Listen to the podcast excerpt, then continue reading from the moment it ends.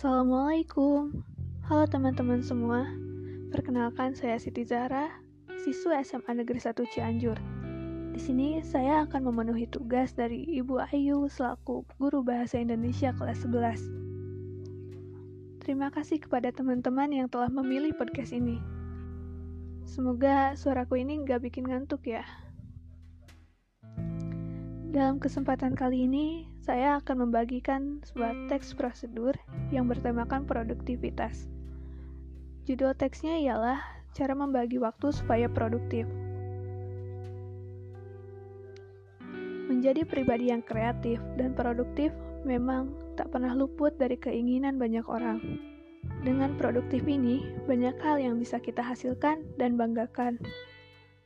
Apalagi di situasi pandemi seperti ini banyak waktu yang bisa kita gunakan untuk mencari dan mengembangkan passion yang kita punya, dan tentunya menjadi produktif.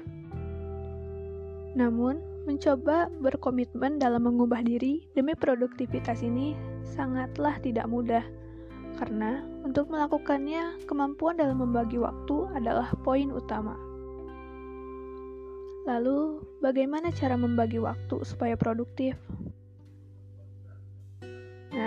Berikut ini ada beberapa tips dalam membagi waktu demi produktivitas. Yang pertama ialah membuat goals. Dengan membuat goals, maka kegiatan akan lebih terarah karena memiliki tujuan. Untuk langkah awal, mulailah dengan membuat goals harian, kemudian dilanjut dengan goals mingguan, bulanan, dan seterusnya, supaya bisa dijadikan sebagai refleksi diri. Tidak usah membuat goals yang terlalu besar, namun mulailah dari hal-hal yang kecil, seperti menyelesaikan sebuah novel atau bahkan menulis beberapa kata dalam sehari yang nanti akan menjadi rutinitas kalian. Kemudian, yang kedua, buatlah jadwal. Untuk memastikan seberapa produktivitasnya seseorang, maka jadwal sangatlah diperlukan. Bukan hanya itu, dengan membuat jadwal, maka hidup akan menjadi lebih teratur dan penggunaan waktu dapat dimaksimalkan. Namun, jadwal ini juga harus disesuaikan dengan waktu produktif si pemilik. Karena waktu produktivitas seseorang itu tidaklah sama. Ada orang yang produktif ketika malam hari, ada juga orang yang produktif ketika siang hari. Maka, kita harus pahami diri sendiri terlebih dahulu maka kita harus memahami diri sendiri terlebih dahulu. Apakah kita produktif ketika malam hari, atau pagi hari, atau pada waktu lain? Yang ketiga ialah disiplin dan konsisten.